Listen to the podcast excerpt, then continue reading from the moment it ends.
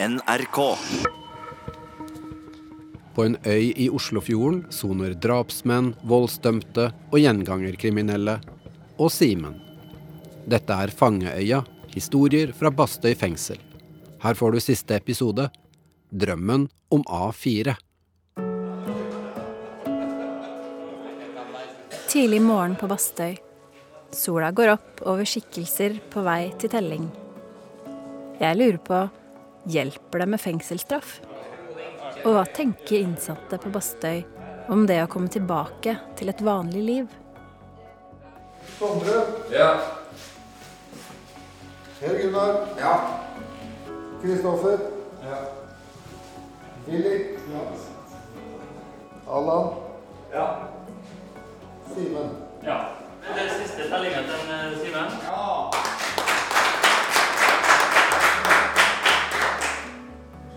Det er tradisjon med applaus på siste telling.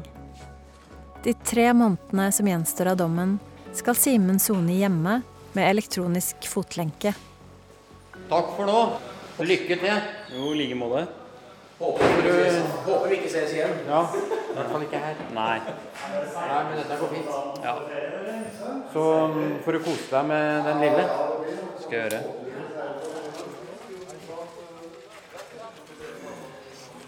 Jeg er litt sånn spent på åssen det er å komme tilbake til eh, det normale liv, da. Og i hvert fall nå som det blir jo en ekstra å passe på litt mer eh, styr og stell der. Simens tid på Bastøy er over. Syv måneder etter at han kom hit. Han har oppført seg bra og slipper ut på to tredjedels tid. Etter å egentlig holdt meg innelåst nesten på rommet de første dagene, så fant jeg jo mer og mer ut når jeg begynte å jobbe her, at det, det er Folk er sånn som de er på utsida, de er normale. Jeg syns egentlig at jeg har møtt veldig mange hyggelige mennesker her, kontra det jeg har møtt eh, i det normale liv.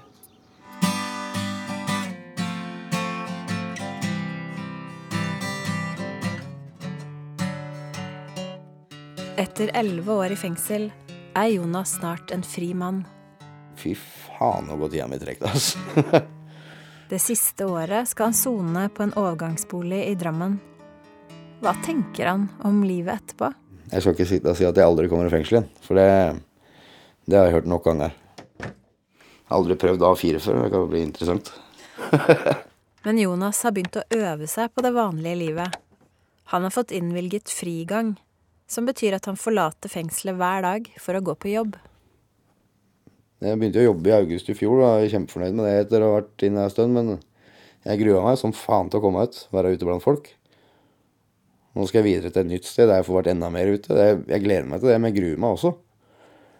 Hvordan er det å få seg jobb som, eh, som innsatt? Kan man søke, liksom, på utlyste stillinger? Ja, men da må du jo ha avklart det med fengselet først. Så det, det er en som jobber her, som har kontakt med det firmaet som jeg jobber i. Så jeg hadde, fikk muligheten til å komme meg ut med to år igjen som lærling. Så det var veldig kult 40 år og så begynne å lære seg nytt yrke. Det, var, det er jo moro. Med lærlingplass hos et tømrerfirma i land kan Jonas slippe å stå på bar bakke når han blir løslatt.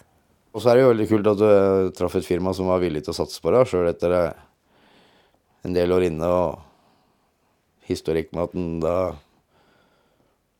har et kjempesvart høl i CV-en sin. Betyr det at du har en jobb å gå til når du kommer ut? Ja, det ser sånn ut. Hva blir den største overgangen med å komme ut igjen, da? Tenker du? Det blir altså å hoppe på den karusellen som går så jævla fort ut nå. Jeg har vært øh, over ti år i fengsel, så Det gjør noe med toppen å sitte inne så lenge. Det gjør det. Nei, så det blir jo det derre Om man strekker til, da.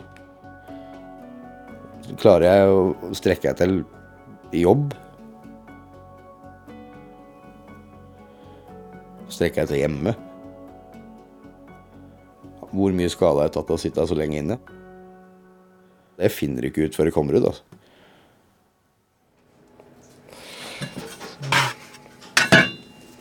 Og noen ganger føler jeg at stramføden min begynner når jeg kommer ut. Og jeg sier ikke bare det, men jeg har tenkt mange, mange ganger hvordan uh, skal jeg begynne et nytt liv når jeg kommer ut? Om bare noen uker skal Kim ut igjen i samfunnet. Bli en helt vanlig mann på gata. Og noens nabo. Så det er uh, min største bekymring. Så hvordan oppføre meg rundt uh, si, vanlige folk.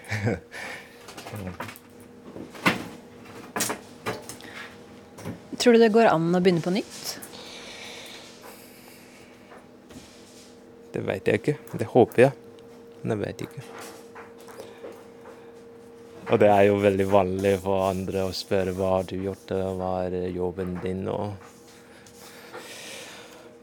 de fleste er jo enige om uh, det beste å være ærlig, være åpen. Men, uh, men samtidig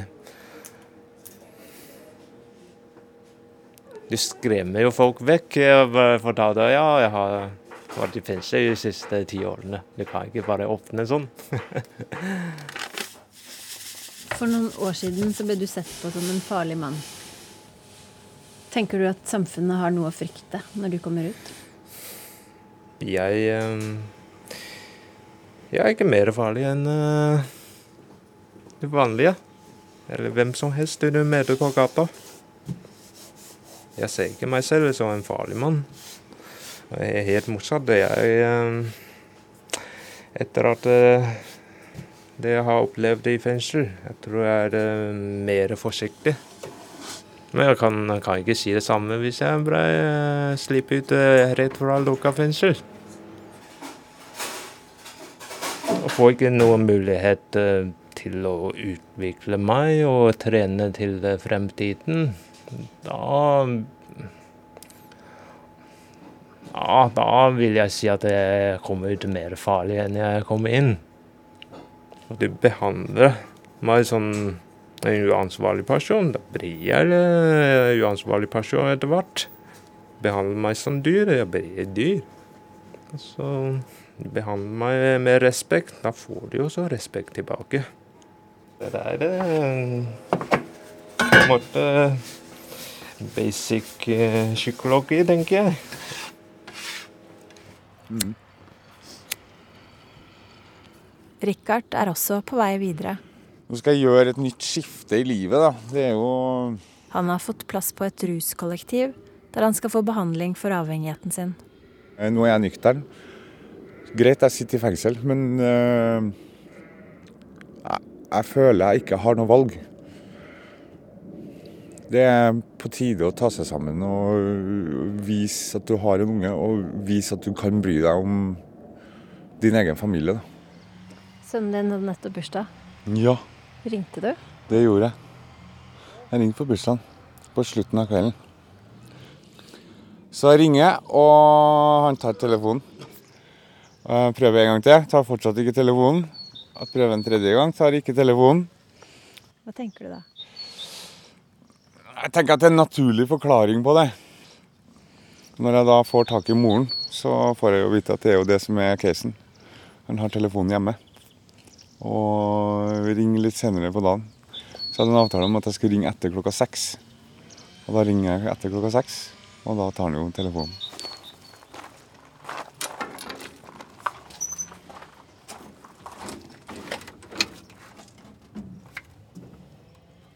Hei, det er pappa.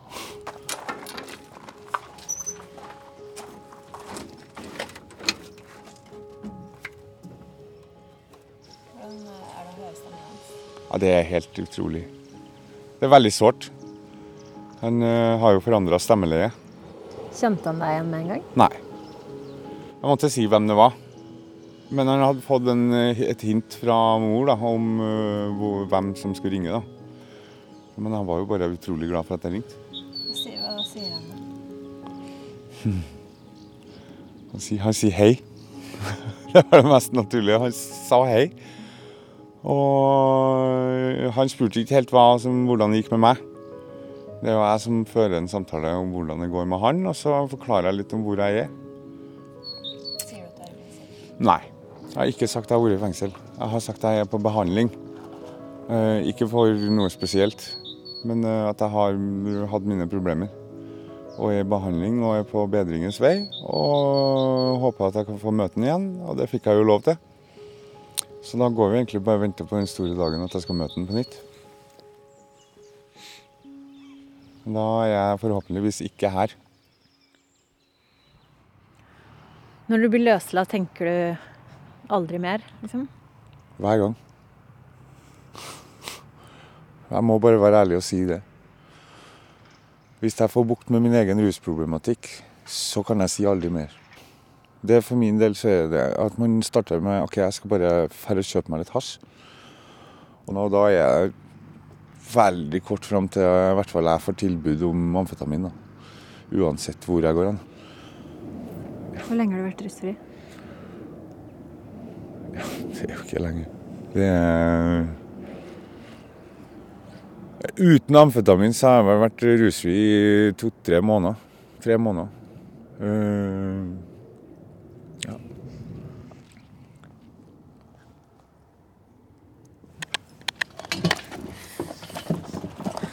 Allan kjører Simen til vakta for siste gang. Det var en stygg ulykke for år tilbake. Ja. År siden, hvor det var en kar som falt, eller klarte å hoppe, eller datt av hesten. da, Så ble han sittende i stigbøylen og dratt etter hesten og døde av, døde av skadene. Etter det så har det vært helt forbudt med ridning her. Det er synd. Det er vel egentlig ikke hestens feil heller, det er vel rytteren, ikke det? Når hun detter av stigbøylen. Jeg skal ikke gå til å si at det er noens feil. Ja. Altså, det er Av og til så skjer ting uten at man kan si at det er din skyld, liksom. Ulykker skjer. Sånn er det jo. ikke sant? Jeg lurer på om Simen er klar for å fortelle om det som hendte den kvelden for over tre år siden. Husker du ingenting av det, det som skjedde? Jeg husker jeg Husker det veldig sånn i sånn kortere stilbilder. Men jeg føler at eh, Føler at det meste, meste i løpet av den siste tiden har jeg enten blitt liksom fortrengt eller Ja, litt sånn un undergravd. Eh, Det er alle de gangene jeg kommer inn på tanken rundt det, så er det nesten som at jeg sitter igjen med Eller får den samme følelsen som var da, en sånn stiv Stiv eh, sånn skrekkfølelse. At det liksom OK, her kommer det til å smelle.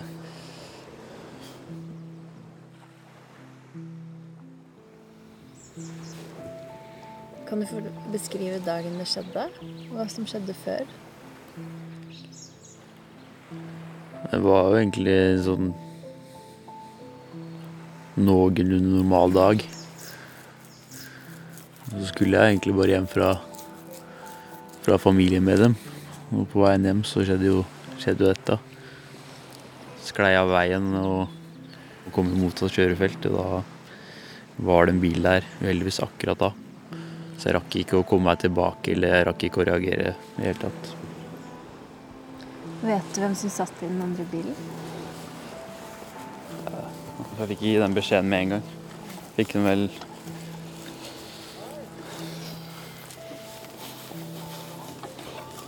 Tror jeg fikk det dagen etterpå eller noe, fikk jeg vite det. Hva sa de da?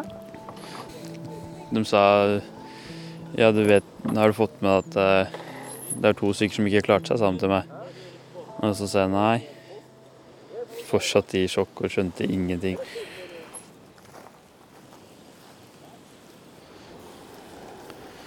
Jeg tror jeg aldri har hatt en sånn reaksjon noen gang som når jeg sto i rettssaken og så så de menneskene sitte på andre siden, og så Jeg måtte holde meg fast i stolen for ikke dette, for beina var gelé. Jeg har ikke, ikke snakka noe med den, for de har ikke, har ikke ønska, ønska noe samtale. For jeg tror at eh, begge parter sitter igjen med, sitter igjen med mye traumer. Var du rusa når ulykken skjedde? Nei, ikke. Jeg har aldri, aldri rusa meg. Var du full? Nei, ikke full. Ikke noe, ikke noe annet enn eh, å kjøre for fort etter forholdene som ikke var noe å kjøre fort på når det var såpass glatt. Så det Det var det store problemet. Å kjøre for fort. Hvor fort kjørte du? Hadde vel nesten Nesten 100 i 60-sonen. For siste jeg så, så på speedometer før jeg mista kontroll på bilen, så hadde jeg noen og 90. 95. I retten ble Simen dømt for grov uaktsomhet. Han mistet førerkortet og fikk 15 måneders ubetinget fengsel. Så gikk det vel gikk jo tre, tre år før jeg i det hele tatt kom til det stadiet at jeg begynte å sone. Så det er ikke egentlig bare den tida jeg har brukt her sånn, som har vært eh, en del av dommen. Da. Hele, hele prosessen egentlig fra den dagen der har vært, vært en soning for meg.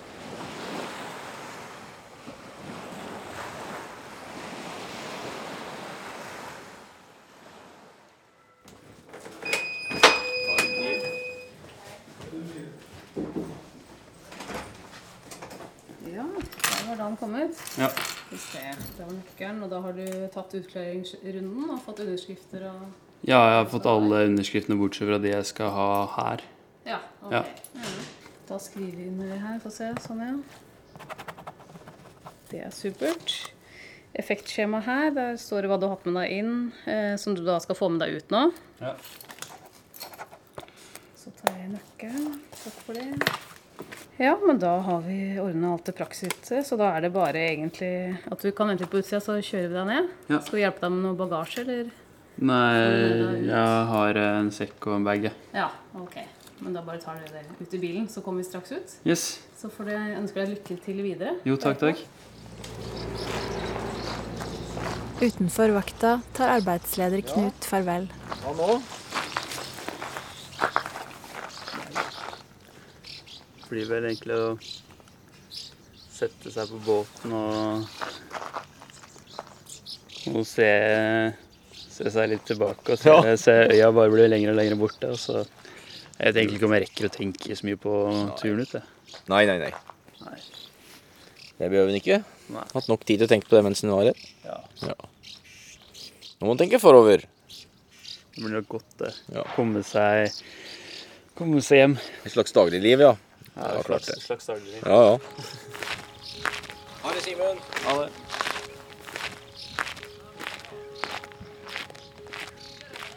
Simen tar på seg sekken igjen. Jeg tar med meg opptakeren, full av historier. Tilbake til hverdagen.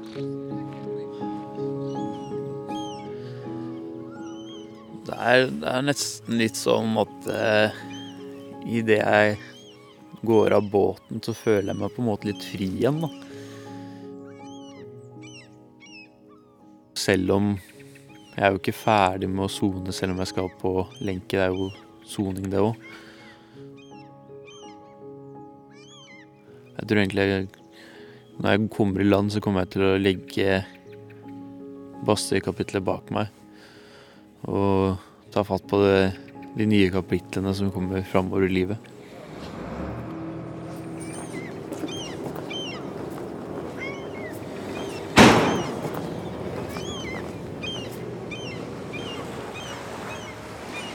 Båten setter kursen mot fastlandet. Det er stille på fjorden. Bare små krusninger under overflaten. Uansett hvor mye man prøver å si at eh, man ikke har ment det, at man ikke ønsker det skulle skjedd, og at man har, er veldig lei seg for det, og sånne ting, så hjelper det på en måte ikke noe, for at det har skjedd, og det er der. Man får ikke får på en måte ikke stryke det. Man må bære det.